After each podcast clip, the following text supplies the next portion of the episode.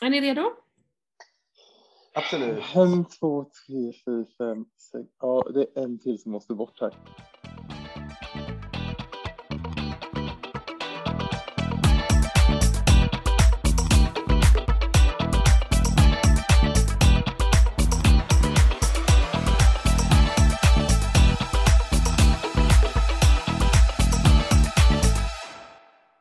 Men vi kör! Jakob, du får eh, eh, sålla under tiden. Ja, jag så, jag Lägg ångesten åt sidan och bara ta en. Ångesten lägger vi åt sidan och väljer glädjen. Nu väljer vi glädje, det är bra. Välkomna till Fidos slager. Ännu en vecka, ännu ett nytt poddavsnitt. Det är jag som är Frida, eller Fido går jag ju under i den här podden då va? Har med mig Jakob och Johannes. Hej hej! Hallå! Tjena, tjena! Jag undrar alltid om du liksom avslöjar dig när du säger att du heter Frida och ska kallas Fido eller om det liksom hur är du är. Exakt. eller är Jag du båda det nu? Eller vad förstår inte. Jag tycker det är så svårt att veta. Jag brukar alltid råka säga Frida och så känner jag, åh nej, nu har jag gjort bort mig. Jag tänker att det har varit så många gånger som jag har blivit kallad Frida i den här podden så jag tänker att de flesta vet nog att jag heter Frida. Fan. Så är det. Vi eh, närmar ju oss Eurovision grabbar. Äntligen va? Glädjens tid. Förra veckan så delade vi med oss av eh, våra Eurovision eh, live-upplevelser. Ett härligt program. Eh, och idag så kommer vi eh, sikta in oss lite mer Nej, nu kanske jag säger för mycket.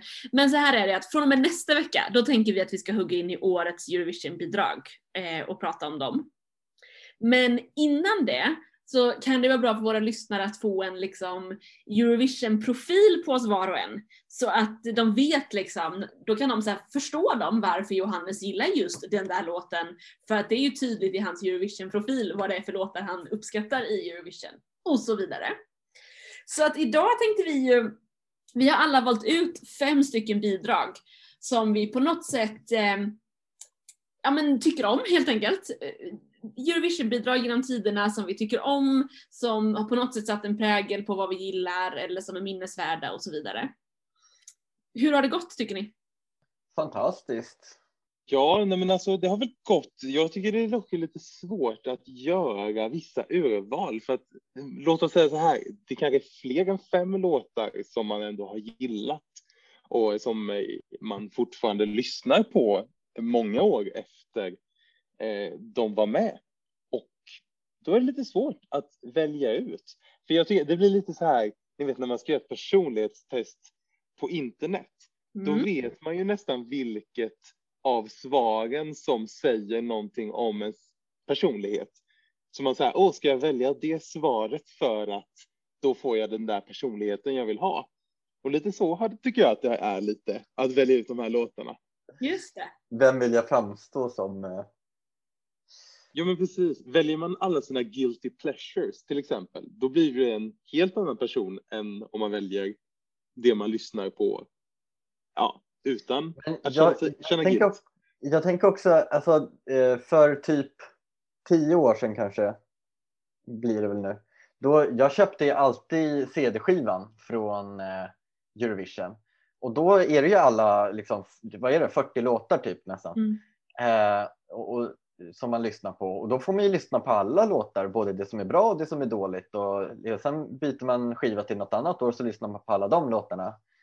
Eh, Medan nu med Spotify så där, då liksom väljer man ju ut de som är bra. Eller så kör man en spellista kanske i och för sig. Men eh, väljer ut det man lyssnar på så lyssnar man på, på dem på repeat. Så att man får ju inte de här dåliga låtarna tillsammans med de bra låtarna i liksom en mix. Liksom.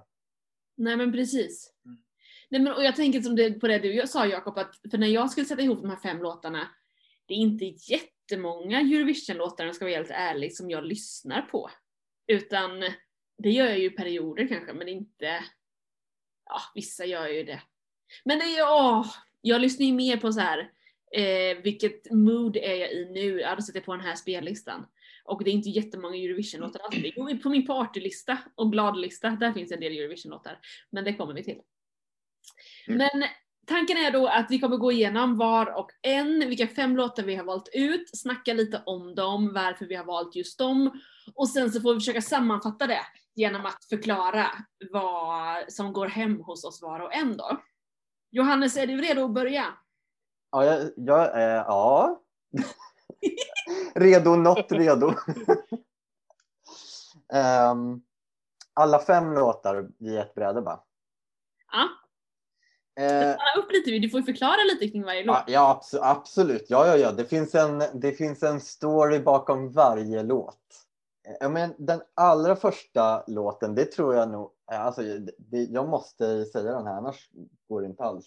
Det är Tyskland 2007 eh, med Roger Cicero och låten heter Frauen regieren die Welt. Det är Mm. brudarna som regerar världen. Yeah! Och Han jag, var in... Jag tänkte bara säga, alltså han är då in, han är föregångaren till Beyoncé. Ja, verkligen just det. Ja, så är det ju. Precis. kul att när, så fort Johannes sa Tyskland typ, då Jakob och jag sitter och nickar och ler. Ja, ja, ja, ja. Det skulle komma. Ja, men den kommer. Absolut. Men jag, alltså, det skulle ju inte gå att inte nämna den. Eh, det är ju den enda artist egentligen från Eurovision som jag har lyssnat på, lyssnat på all- alla, all, alla andra låtar han har gjort. Eh, jag fick till och med min mamma bli intresserad av den här artisten. Och vi har åkt till Tyskland flera år efteråt eh, och gått på konserter med eh, Roger Cicero. Eh, han är alltså en, eh, eh vad ska man säga, lite storbandsjazzmusiker eh, liksom. Med ganska underfundiga texter som är på tyska. Ehm, och, eh, och så får man uppleva lite olika städer. Vi har typ, varje år har han ju haft en så här turnéplan. Eh, olika städer i Tyskland. Så vi bara, ja, vad, ja men Hamburg har vi inte varit i, dit åker vi liksom. Oj, ja, men tar vi konserten där på lördagen, det blir jättebra. Så. Året efter, men Frankfurt vore väl trevligt i år och München liksom. Så att det har varit klockrent liksom. Jag har varit runt hela Tyskland för hans skull liksom.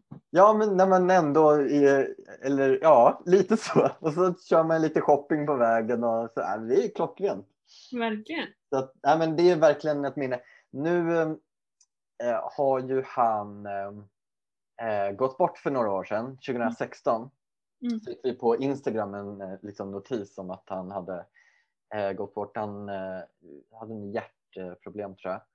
Och då skickade jag det till, till mamma så här bara, "Åh, har du sett det här nyheten liksom?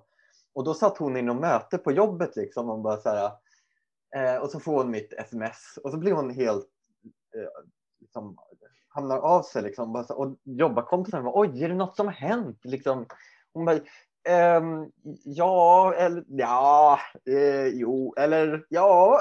liksom bara, hur ska man förhålla sig till det här? Liksom? Det är ändå liksom, någon slags idol på något vis. Liksom. Så det påverkade ju liksom. Men samtidigt bara, ja, fast det är en liksom, artist i Tyskland. Ni känner inte till det. Liksom, så här, aj, ja, livet går väl vidare. Alltså, så där. Det var lite märklig situation. Liksom. Ja, verkligen. Och så.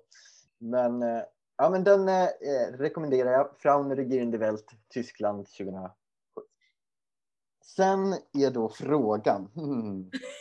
Jag, eh, jag har ju liksom funderat så här, vil, vilka typer av låtar är det som... Alltså för jag, jag kan inte välja alla låtar obviously. Och vilka typer av låtar är det då som jag gillar? Jag brukar ju prata om ja, den här låten höjer jag ju volymen på i bilen och lyssnar så det bara dånar. Och då har jag eh, hittat, och jag var ju tvungen att titta på de här. Det, är, jag, jag tittade, det var tre låtar som jag var, liksom, valde mellan. Och alla de är från 2000, eh, två är från 2010, en är från 2012. Mm. Något jag tänkte på var så här, vad dåligt de sjöng då. Alltså, det här är ju powerballader. Eh, jag kommer välja eh, Milim, Israel 2010 med Harald Skatt, tror jag. Eh, dels tycker jag det är roligt för att han i texten så sjunger han ofta Jacques Chirac Milim. Och Jacques Chirac det är ju den här gamla presidenten i Frankrike.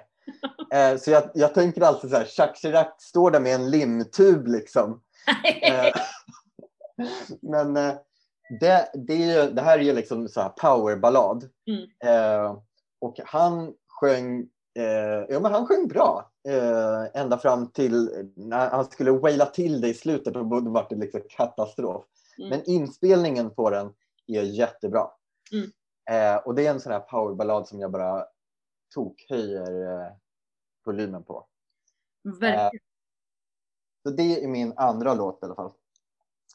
Eh, sen ha, hade jag en kategori som jag har valt att kalla eh, coolt scennummer. Mm. Eh, och då har jag stått och velat mellan två olika och jag tror att jag väljer Belgien 2015 med Loic Notet Mm. med Rhythm Inside. Han sjunger också riktigt grymt och jag vet inte hur gammal han var. Alltså, jag tror inte han var så himla gammal, typ runt 20 kanske. Mm. Ehm, och alltså scenspråket, det är liksom, de har en vit scen. Eh, han har typ fem dansare som står ganska tätt tillsammans i vitt. Mm. Eh, det är coolt ljus och han typ promenerar lite så sta, ganska så statisk dans, liksom promenerar så på scenen eh, och sjunger och, eh, eh, och, den, och hela låten är liksom, den är ganska den är ganska speciell låt liksom Mm. eh, också. Eh, väldigt coolt scennummer. Verkligen. Den låten spred sig ju ganska bra utanför Eurovision-kretsar också. Mm. Eh, Jag vet att jag satt i något sammanhang i skolan liksom, där det var någon som satte på någon spellista där den dök upp och jag bara va? Eller så här ganska otippat. Folk som inte lyssnar så mycket på Eurovision annars liksom. Ja, precis. Det är en väldigt bra låt. Mm. Ja, verkligen. Eh, och jag vill bara, det är kul att han får vara med i speciella scenframträdande grupper för att han koreograferade och eh, liksom eh, stylade och gjorde de här eh, grafiken på LED-skärmarna i bakgrunden själv. Mm. Han gjorde liksom hela den här låten och framträdandet typ själv. Eh, mm. Det är kul. Och just att han använder de här rullande r'n i rappapapp, rappapapp, we're gonna rappapapp tonight. Ja. Det är så bra, det är sällan man har de rullande r'n i, i eh, engelskan. Ja, den, Eh, men. Den är... Vad sa du Frida? ja, den är bra, Ja. den låten. Det var länge sedan jag tänkte på den. Kul! ja men, och han sj- sjunger inte dåligt heller alltså. Det, Nu kan Ja. det vara så att det är några av våra lyssnare som tänker oh, jag kommer inte ihåg den här, jag vill gärna se och höra. Då kan man gå in på Fidos slager Instagram så kommer det ligga på höjdpunkter, eh, tänker jag, ett litet kort filmklipp med alla de här låtarna. Så kan man gå så här, får man så här 10-15 sekunder på varje eh, av de här 15 vi kommer gå igenom här nu så kan man få en liten uppdatering. Sen finns ju allt på Youtube såklart att söka på sen. absolut, absolut. Ehm, ja men eh, det, det är min tredje låt. Mm. Eh, sen har vi inom kategorin bra inspelat men katastrof live. det, det är mitt sista roligt. Låtar. Det, är, Vad Jakob? nej, det var otroligt att det är en kategori. Att Ja, du liksom ja. har så pass många låtar som du gillar i just den kategorin. ja, och jag har faktiskt några som blir så här, åh det är svårt att välja. Men grejen är att eh, eftersom jag då hade liksom CD-skivor som jag köpte som jag körde i bilen och det bara gick på repeat. Så är det liksom vissa låtar från de här åren 2008, 9, 10, 11 som, som jag har lyssnat mycket på som bara, ah, det här är en bra låt. Men när man tittar på det eh, live på Youtube eller liksom så eh, tror man ju att jag är fullkomligt tondöv. Så att, eh, eh, men här kommer den. Ungern 2009. Har ni någon aning om vad det här är för någon? Nej. Eh, Alltså är det Katarina Wolf eller vad hon heter? Nej, hon var 2008, året innan. Ah, okej. Okej. Eller 2007 Det är ju en toppenlåt. Eh, det här är, låten heter Dance with me och artisten heter Sully Adok. Eh, han, eh, det börjar med att han ligger på rygg på scenen och så har han fyra tjejer som är dansare runt omkring. Han är klädd i en så här snygg eh, kostym typ, eh, eller skjorta så svart och med lite vita detaljer. Och så ligger han där och så börjar musiken lite så här, det är lite mer åt discohållet, lite så Alcazar eh, känsla i introt i alla fall, i, i, i musiken. Mm. Eh, och sen, sen bara efter typ 10 sekunder så gör han ett klädbyte och bara river av de här, den här snygga eh, skjortan han har.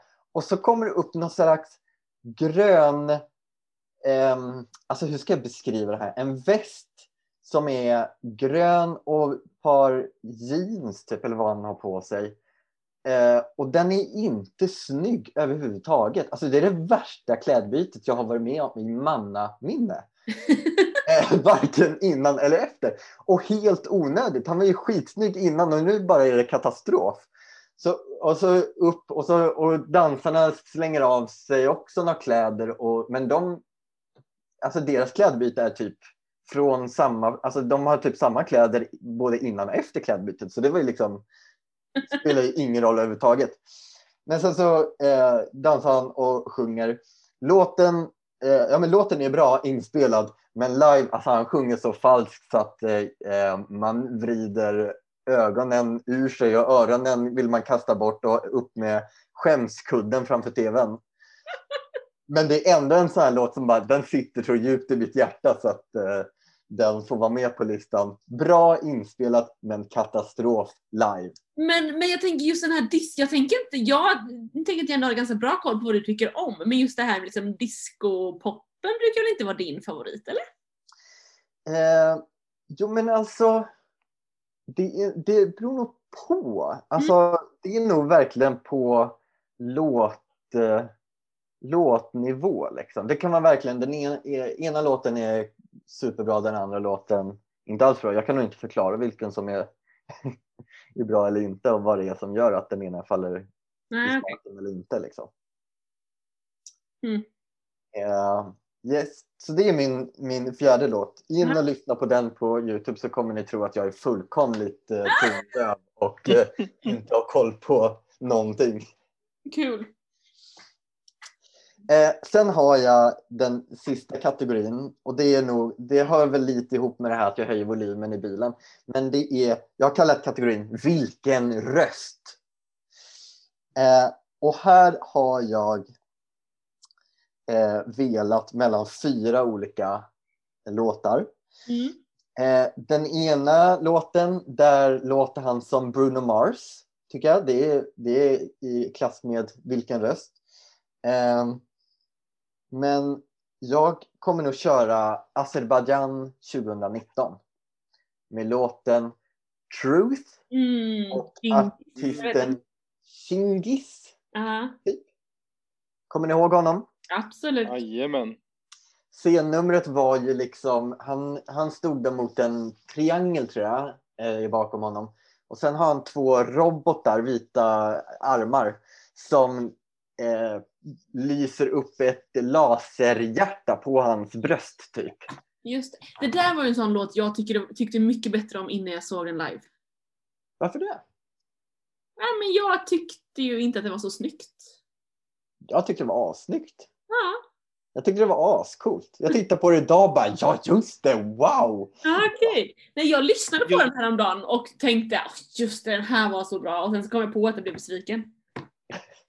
Och jag tror, att, jag tror att jag gillade musikvideon bättre Ja, kanske. än liveframträdandet också. Ja. Men han har ju liksom, det jag gillar med hans röst är ju verkligen att han i hela ref, refrängen egentligen och hela låten ut så ligger han ju med en, eh, i sin falsett. Mm. Eh, och den är ju ganska, eh, han har ingen mesig falsett. Han har liksom en ganska kraftfull falsett som bara liksom, och han tonsäker och den bara sitter där och den är den är, alltså, passar väldigt in också i, i själva låten och i musiken. Eh, så blir liksom falsetten blir liksom ett, ett förstärkt element i den här låten som jag tycker är ascoolt. Och jag skulle inte själv kunna sjunga på det sättet på ett eh, värdigt sätt. Mm. Eh, så det, det tycker jag är så kul att det, eh, det finns vissa som ja, men sjunger så pass bra att, eh, att man ändå kan bli golvad av rösten bara. Mm. Kul att du kommer ihåg rösten när du säger honom. Jag kommer bara ihåg att han var väldigt snygg. Same. ja, men jag tittade på, liksom, på, på Youtube idag. Liksom så här, eh, ja, men han ser helt okej ut men det är inte... Eh, då, då hade jag, har jag några andra som... Eh, som är snyggare? Ja, i alla fall i min smak. men grejen var nog den att jag tyckte nog som sagt Ja, jag blev nog lite besviken på hela framförandet. Jag tyckte inte han var lika snygg, jag tyckte inte det var lika snyggt nummer, jag tyckte musikvideon var bättre. Ja. Men jag kommer absolut ihåg låten. Kul, men vad har vi där då på, på Johannes? Han, Johannes tycker ju om eh, där det är bra, bra sång tänker jag ändå så här. Mm. Även, om, även om det ibland inte spelar någon roll när det är för härligt. Precis. Och att det, du är ganska visuell. Jag tänker att du så här, beskriver numren på ett sätt som jag, så här, ja det där har jag glömt bort hur det var. Typ, så här. Jag kommer inte ihåg numren på samma sätt som du gör. Så det ska vara visuellt snyggt, bra röst och eh, manliga röster. Eller hur? Eh, ja, det kanske det var ja. Ja, precis. Det är ganska mycket män du nämnde. Jag har nog faktiskt av Eh, alla som jag, alltså jag har ju 17 låtar här som jag liksom ändå har försökt koka ner till fem. Ja. Jag har faktiskt bara, nej jag har två kvinnor men det är ju inte på låten men ja, jag har två tjejer av 17. Ja, så mycket, mycket män. Manliga ja. röster som är bra sångare, snygga nummer och eh, jag tänker att det är mer, mer ballad och budskap än pop och dans. Mm, ja. Men när det är pop och dans så är det schlagrigt. För jag tänk, eller det tänker jag också, så här, både ja. ballad och sen lite disco. Det är liksom, du är inte sen till en slager så att säga. Absolut Just det. Ja, för jag tänker generellt sett så vet vi att Johannes gillar eh, tonartshöjningarna. Mm. Det är ju sen gammalt. Kul, jag tänker ni som lyssnar här nu också, ni får kommentera vem ni är mest lik när vi gör de här sammanfattningarna. Eh, vem ni eh, vi hade ju någon som kommenterade när vi gick igenom mellolåtarna att han ofta tyckte eh, som Johannes. Eh.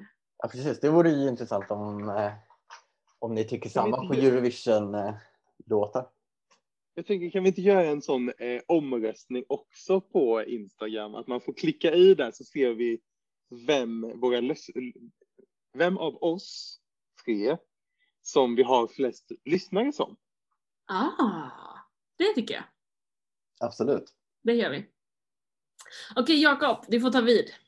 Yes, okej. Okay. Ja, men jag kommer börja i, eh, jag kommer inte gå, utgå från så mycket kategorier utan kommer gå i en slags kronologisk tidsordning.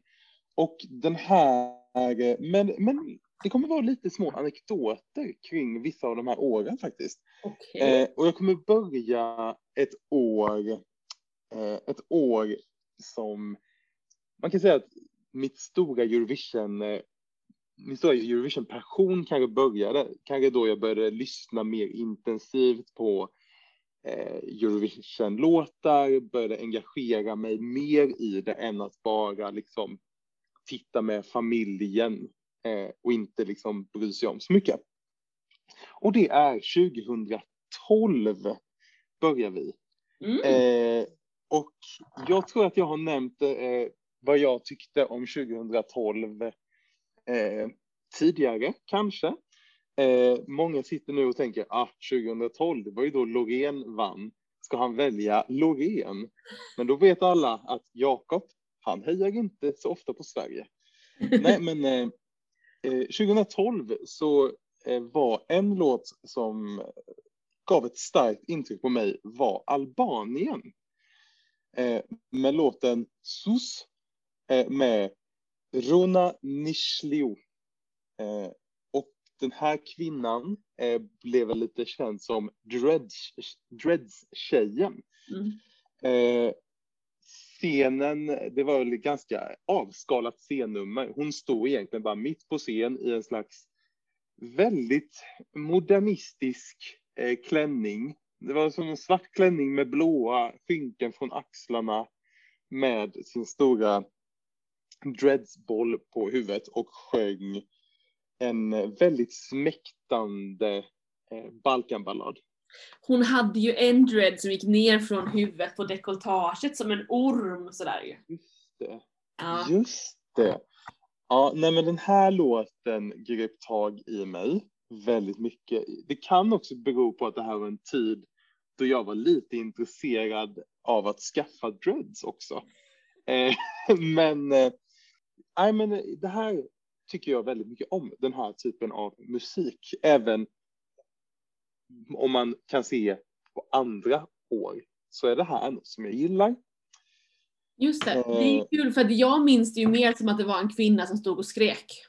Ja, precis. Det vill se jag med. Eh, men, men jag förstår ju, och vi kanske kommer till det längre fram, flera av dina bidrag, att det här kanske blir lite, ja, det skiljer sig lite från våra olika stilar helt enkelt.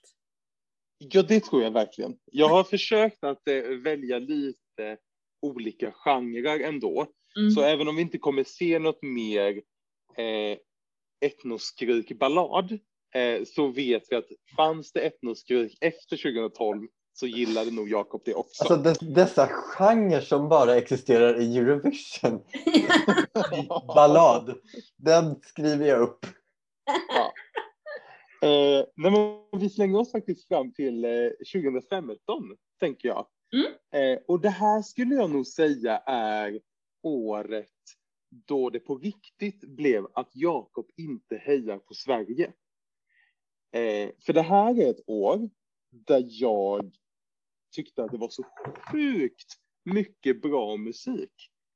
Det var liksom helt fantastiskt. Så när, eh, när Måns vann 2015 så blev jag ju typ sur. För jag tyckte inte att Måns låt Heroes var i klass med massa andra låtar. Eh, Johannes har ju bland annat redan nämnt Louis, eh, som vi hörde från Belgien, som var en fantastisk låt.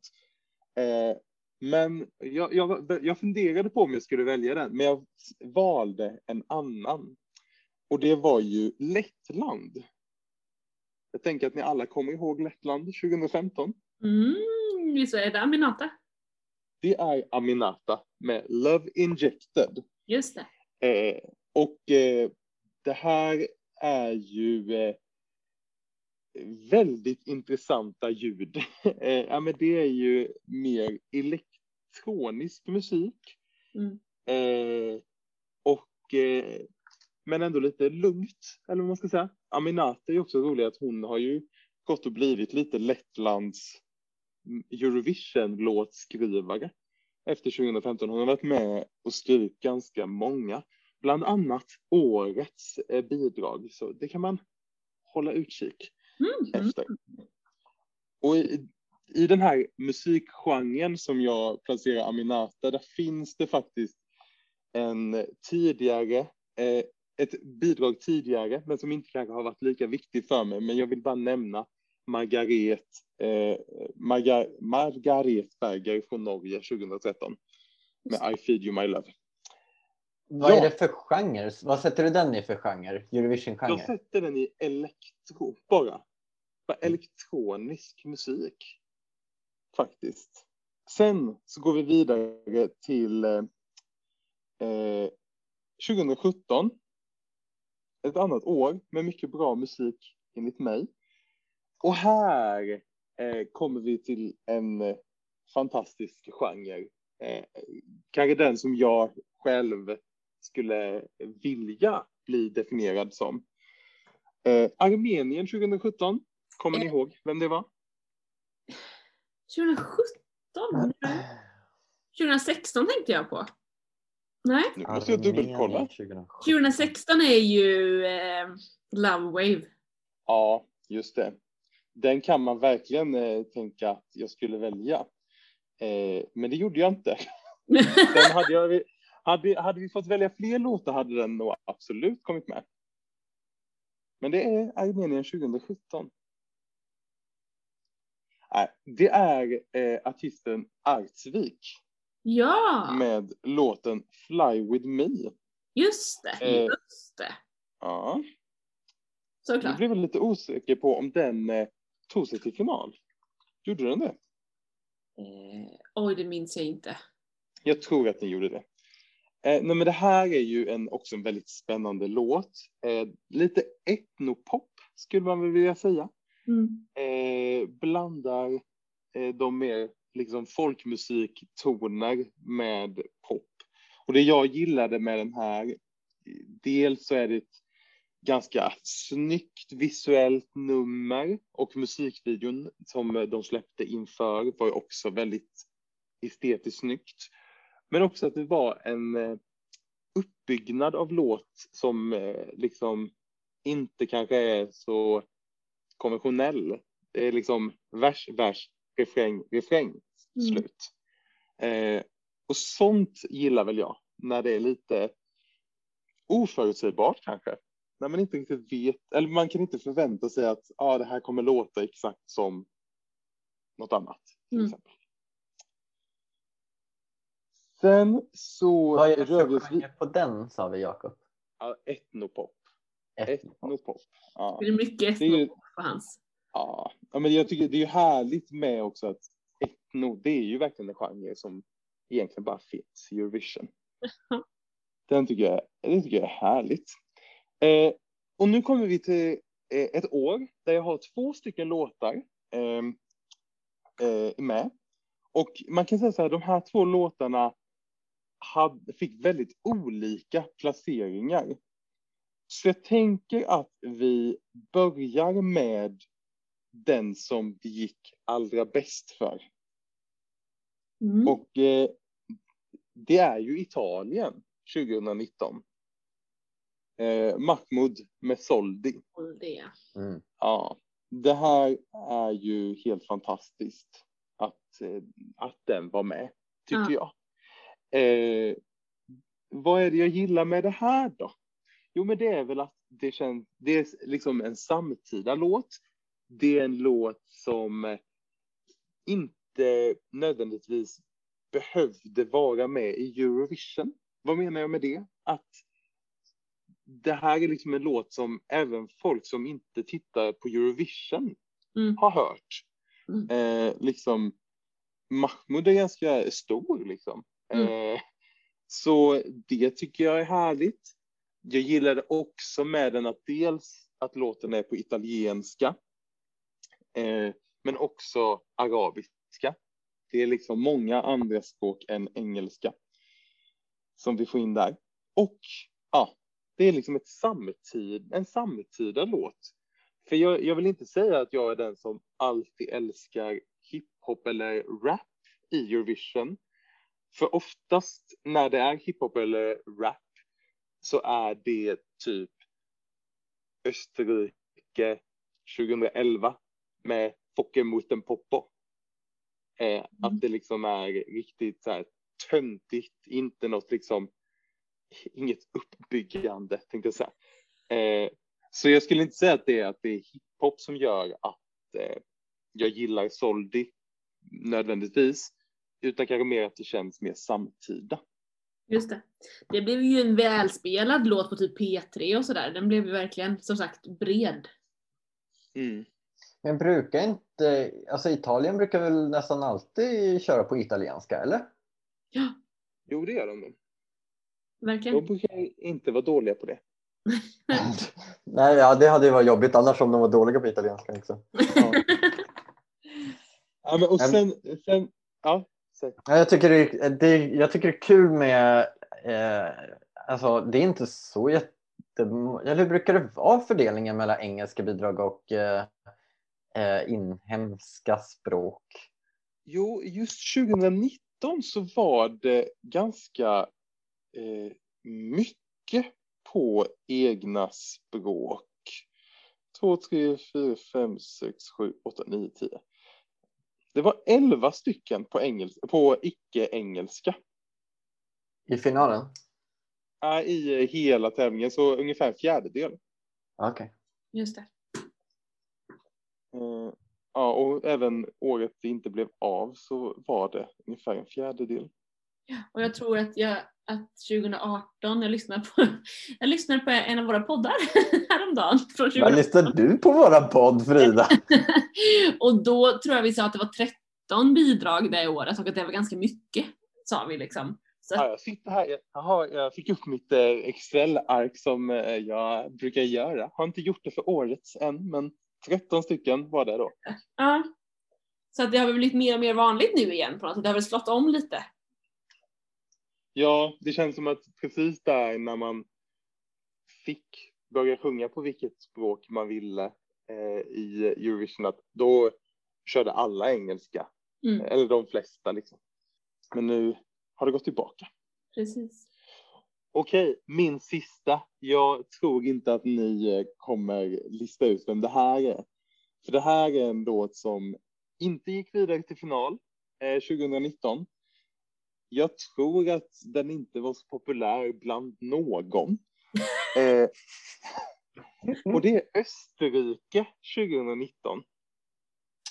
Ja. Ja men det är hon med är den hon. blåa tjejen. Panda? Nej? Blåa tjejen. Exakt, Panda med låten Limits. Just det. Och det här är ju en låt, jag har faktiskt inte ett så stort minne av liveframträdandet. Eh, jag tror att det kan ha varit ganska dåligt. Jag har Eh, inget minne alls av det. nej, men så det är därför jag tror att just det var så dåligt för att jag Mm. har liksom förträngt det. Mm. Eh, men det här, den här låten är ju en väldigt, väldigt minimalistisk låt. Det är Mm. inte så mycket som händer eh, i varken ljud eller i sång. Liksom, hon sjunger nästan i eh, falsett hela eh, låten. Eh, men den, det är en låt som verkligen berör mig. Det, det är inte så mycket annat som händer och då får typ texten och melodin tala till mig. Eh, så jag, jag lyssnade faktiskt på den här precis innan och eh, kände ju så här att Åh, det här är vackert typ. och därför kände jag att den här måste få vara med för att det är en, en låt som som visar att okej, men det behöver nödvändigtvis, nödvändigtvis inte vara de låtar som går bäst, typ som Soldi som kom tvåa, Mm. som eh, jag tar med mig, utan det kan verkligen vara någon som åkte ut i semifinal som jag verkligen har byggt upp en känsla till. Just det. Var det samma år som Slovenien också hade en sån? Eller var det året, året innan?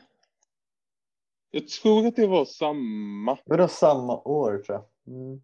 Det var väl också en av dina de hade. Ja, precis. Eh, Sebi med Salah Krail och Gasper Santl. Just det. Eh, ja, det var ju också en av mina eh, favoriter i år som är väldigt liknande genre. Precis, för om vi nu då ska göra en analys på Jakob här Johannes. Japp. Vad säger vi då?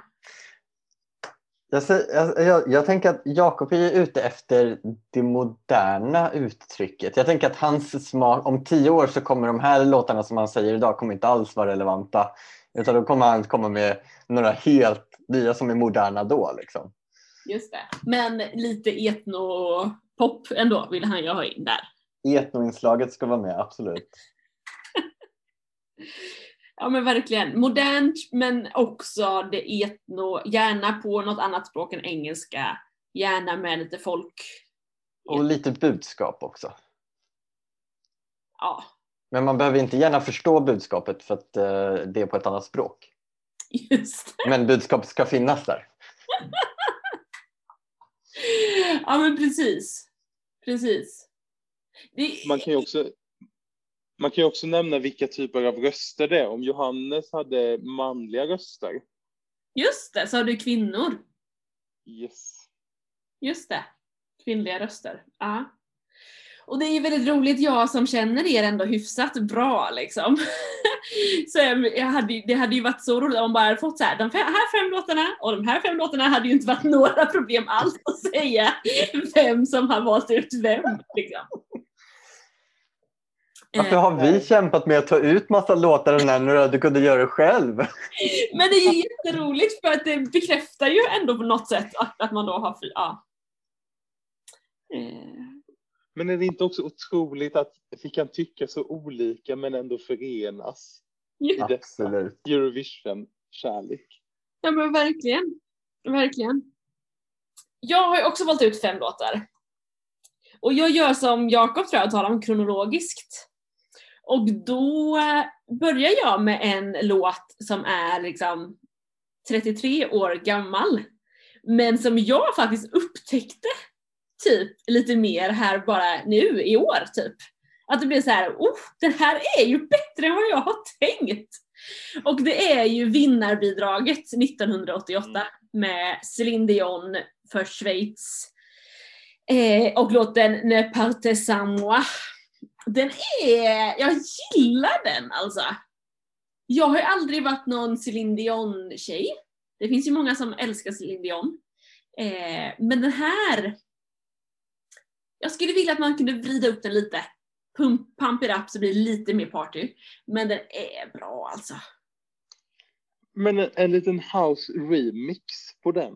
En liten house remix på den, då är man hemma.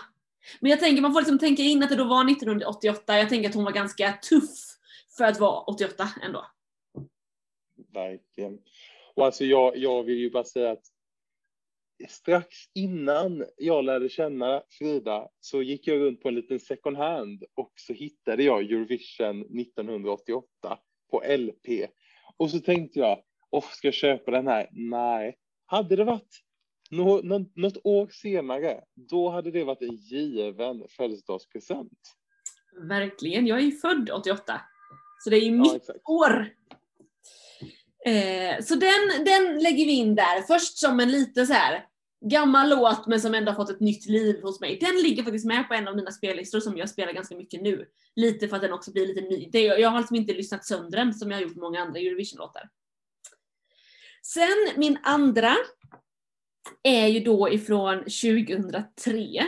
Året som jag eh, kan varenda låt på eh, i finalen. Eh, för att jag fick den skivan. Eh, och där finns det ju många guldkorn. Men det finns ju en som, som ligger mig lite närmre hjärtat. Idag vet jag inte, men man får tänka in då att jag var 15 när jag förälskade mig i denna. Och det är ju Norges bidrag. Eh, Jostein Hasselgård med I'm not afraid to move on. En eh, kille vid piano som sjunger en smäktande kärleksballad, eh, typ. Är det ju. Väldigt eh, avskalat och enkelt. Det är lite typ så här, det skulle typ kunna vara skolans, skolans bästa musikkille som uppträdde på en kabaré. Lite den känslan är det. Det kändes liksom nära på något sätt.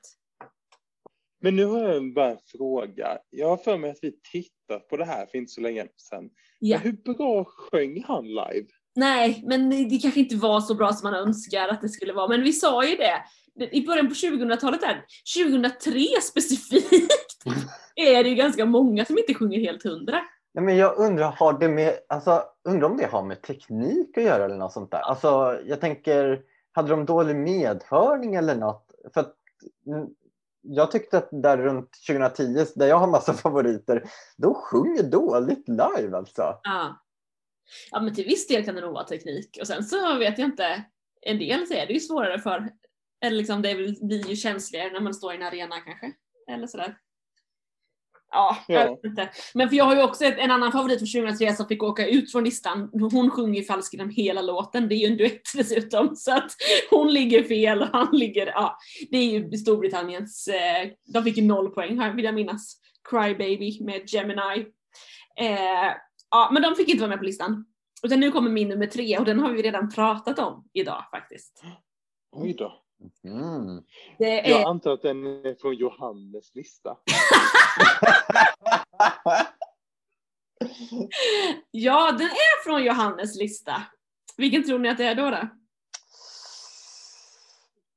Vad, vilket, land, äh, vilket år sa du? det kan jag inte säga. Nej, det sa du inte kanske. Eh, då tror jag att det är Louis Notet. Nej, jag tror att det är eh, Israel. Israel 2010, Harel Skat med Milim. Jag älskar ju det hebreiska språket, tycker det är väldigt vackert. Eh, och en eh, powerballad med någon som kan sjunga. Eh, nu var det, är den ju också bättre inspelad än live, landade vi väl i. Men, men jag gillar den. Jag hebreiska ballader, det, de hade ju också en ballad 2013 med en tjej som jag inte riktigt kommer ihåg vad den hette. Den tycker jag också jättemycket om. Gick tyvärr inte till final då. Men, men de hebreiska balladerna, de gillar jag. Ja, det är ju faktiskt också en eh, Eurovision-genre, hebreiska ballader. Oftast är det bara Israel som ställer upp i den genren, men, eh, Lite smalare. men det, det brukar vara bra. Verkligen. Eh, så det var min nummer tre. Sen så har jag ju då, inser jag, ett år som var väldigt bra. Nu, för både min nummer fyra och fem kommer från samma år och jag har tagit bort bidrag från min lista från det här året också. Som jag, det var fler jag var, var på gång att sätta in. Och det är ju 2016 då, Stockholmsåret. Mm. Jag vet inte om det är kopplat med att jag upplevde så mycket live och var så mycket på Euroclub och var så mycket i arenan så det blev liksom ett positivt år.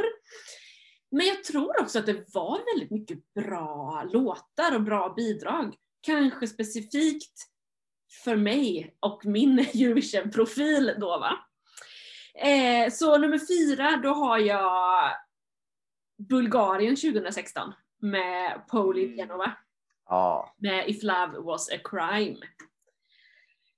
Ja, den är ju superbra. Det är ju en, en pop, popdanslåt med en cool tjej.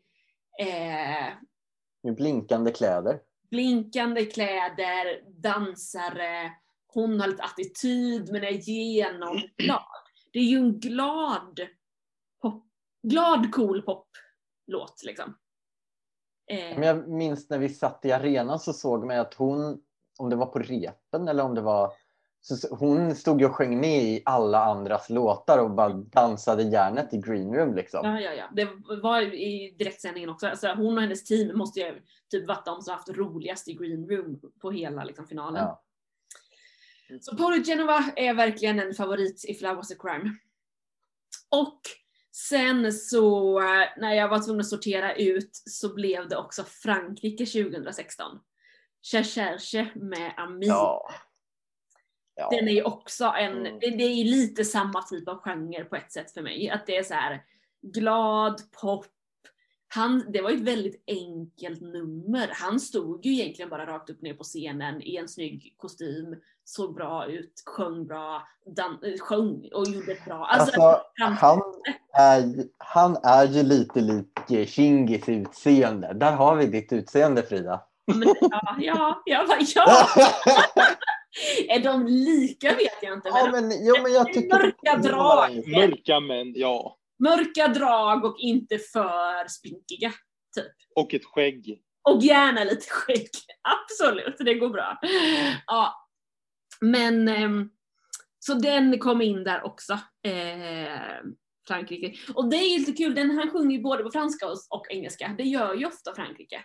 De, lägger ju ofta, de har ju ofta helfranskt i, i, i sin egen uttagning, eller från början beroende på hur de har gjort. Det har ju varit lite olika uttagning hos dem. Men sen lägger man in liksom, en refräng på engelska eller en vers och en refräng på engelska och sådär. Och det kan man ju, jag vet inte riktigt vad jag tycker om just det, att man lägger till lite engelska för att det ska vara lättare för folk att förstå. Men samtidigt så gillar jag det för det är ju lättare att sjunga med. Ja, men, jag tycker det är tråkigt när det är så här, åh, nu kör vi sista refrängen på engelska så att ni som bara förstår engelska ska förstå också. Att man liksom verkligen lägger upp det så. Jag vill, eh, visst var det, nu ska vi tänka här, eh, är det 2018 Frankrike, Roy. Eh, Mm. Han, eller var det 2019 kanske? De var det. Ja. Han liksom verkligen liksom eh, flätade in både franska och engelska i hela låten. Liksom. Eh, vilket var, det tycker jag är mycket coolare än att man bara, här kommer sista refrängen på engelska. Ja men absolut. Mm. Det är det ju samma sak. En annan av mina franska favoriter är ju Moustache med Twin Twin från 2014. Där är det också både engelska och franska, men mest franska. Men på den här, Che Che Che, där är det så tydligt, han tar ju sista refrängen på engelska tror jag det. Ja. Och det kan man ju, jag vet inte. Men sen, samtidigt så tycker jag att om man gör så med en sista engelska refräng, jag tror att det är en, enda gången det är liksom ett problem för mig är när den refrängen då blir, om den blir sämre än originalrefrängen. Är det. en lika bra skriven refräng och liksom inte känns som en letdown, då tror jag ändå att det kan, ja men då kan det vara bra, men det är ju svårt att göra. Eh, Jag kommer typ att tänka på Italien 2016 som också gjorde så. Att hela låten är på italienska äh, och sen kommer sista refrängen på engelska och det är en så mycket sämre skriven, alltså den, den refrängen på engelska låter inte lika snyggt som på italienska. Och det gör ju att allt faller. Samma sak egentligen med eh, Roger Cicero 2017 som, eller 2007 som jag eh, gillade. Han kör också sista refrängen på engelska. Eh, inte alls samma stuns i texten liksom. Nej. Nej, det märks ju oftast att den inte är skriven på det språket liksom. Så är det ju. Precis. Jaha Jakob, vad gör vi för analys på Frida utifrån det här då? Ja, alltså det här är ju lite blandat.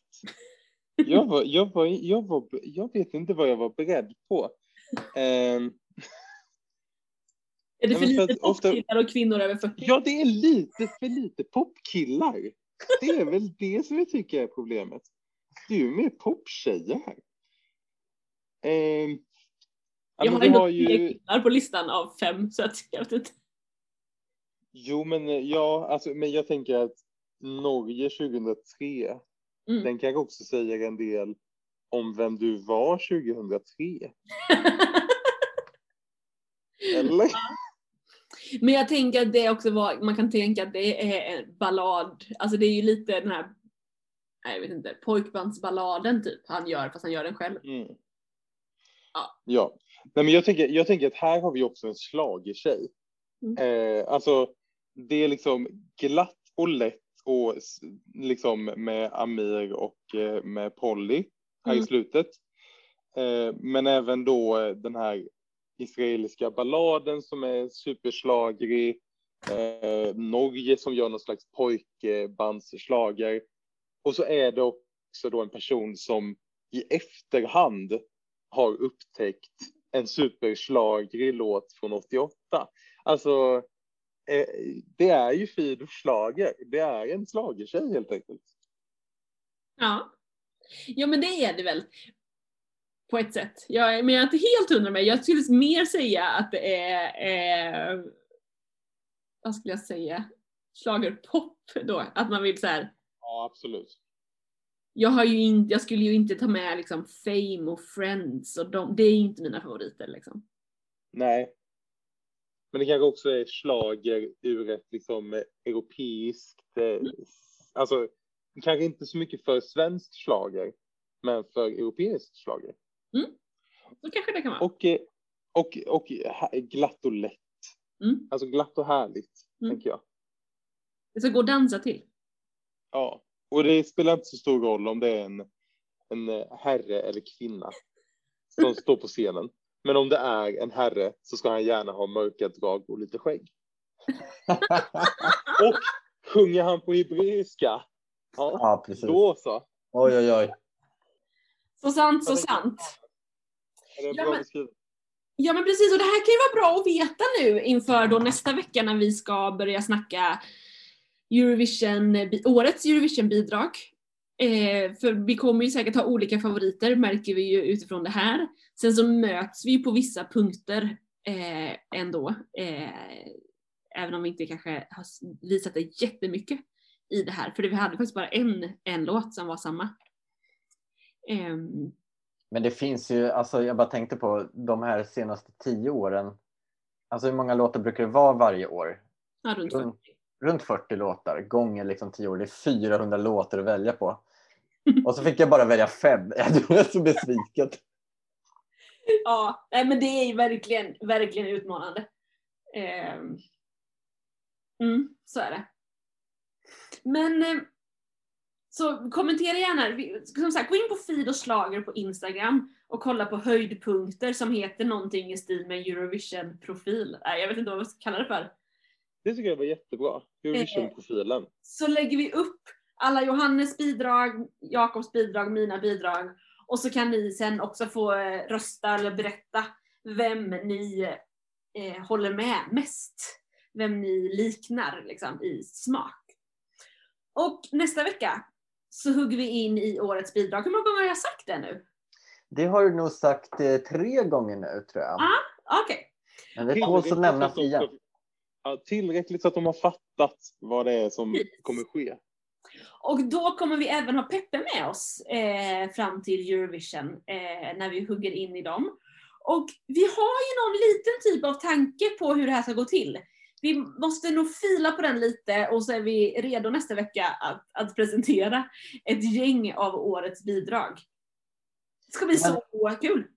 En fråga. Vad, vad skulle ni, alltså eh, Frida och Jakob, vad skulle ni vilja se i Eurovision i år?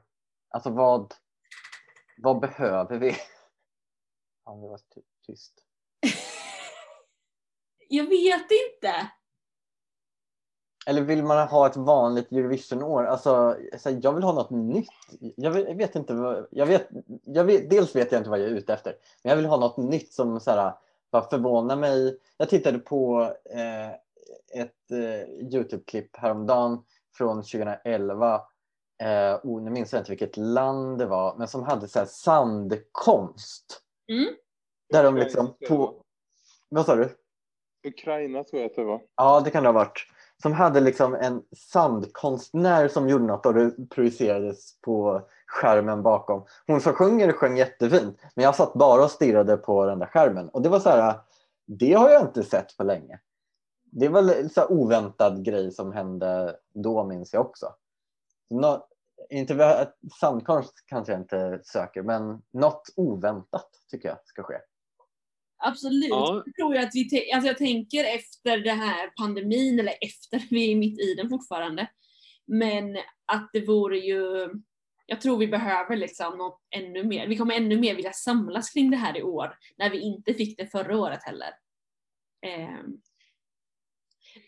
Sen Ja, jag känner väl att så här, bidrag och sånt, det får gärna ha eh, nytt och spännande och kul och sådär. Men samtidigt känner jag att jag vill nog att formatet ska kännas som, även om det inte kommer vara någon publik eller bara väldigt lite publik, eh, och det kommer vara på ett annat sätt, så vill jag ändå att det ska kännas som att så här, nu är det Eurovision igen. Det är liksom inte för mycket något annat, som att det är liksom det är ett för speciellt år, utan att den ska kännas så här, okej, nu är det dags igen.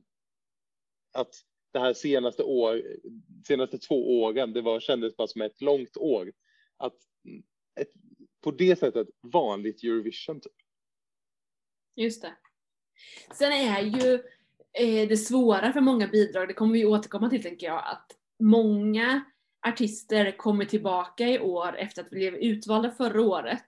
Men i år kommer man tillbaka med en ny låt. Det är ju omöjligt nästan att inte jämföra deras låt i år med den de hade förra året. Och det kan ju nog gå, stå en del i fatet. I alla fall bland fans. Sen inser man ju att i den stora mängden av de som tittar så har man ju en koll på vad de hade för bidrag förra året. Eh, ja, Nej, och vilka, vilka det är som röstar som vi har pratat om tidigare. nej men precis. Verkligen. Ja, kul! Så nästa vecka så hugger vi in i det. Eh, missa inte det. Tack för nu! Tack själv! Ha det, ha det! Hejdå!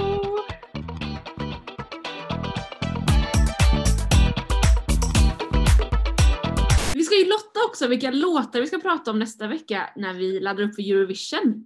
Så Just. vi, vi, eh, vi lottar åtta stycken som vi kommer prata om nästa vecka. Då tar jag en här. Slovenien. Oh. Och jag drar Rumänien. Och jag drar Moldavien. Mhm. Och jag drar Israel. Ah. Då drar jag Estland. Och jag drar Bulgarien. Och jag drar Italien. Och sen Det drar är det sista nu va? Ja, nu har vi dragit sju Jag- stycken. En, två, tre, sista nu då. sju. Då är det sista nu. Och då blir det... Kroatien. Ah! Kul! Kul! Så nästa vecka då snackar vi Slovenien, Rumänien, Moldavien, Israel, Estland, Bulgarien, Italien, Kroatien. Helt slumpmässigt utvalda låtar. Kul! Så missa inte Fidos nästa vecka.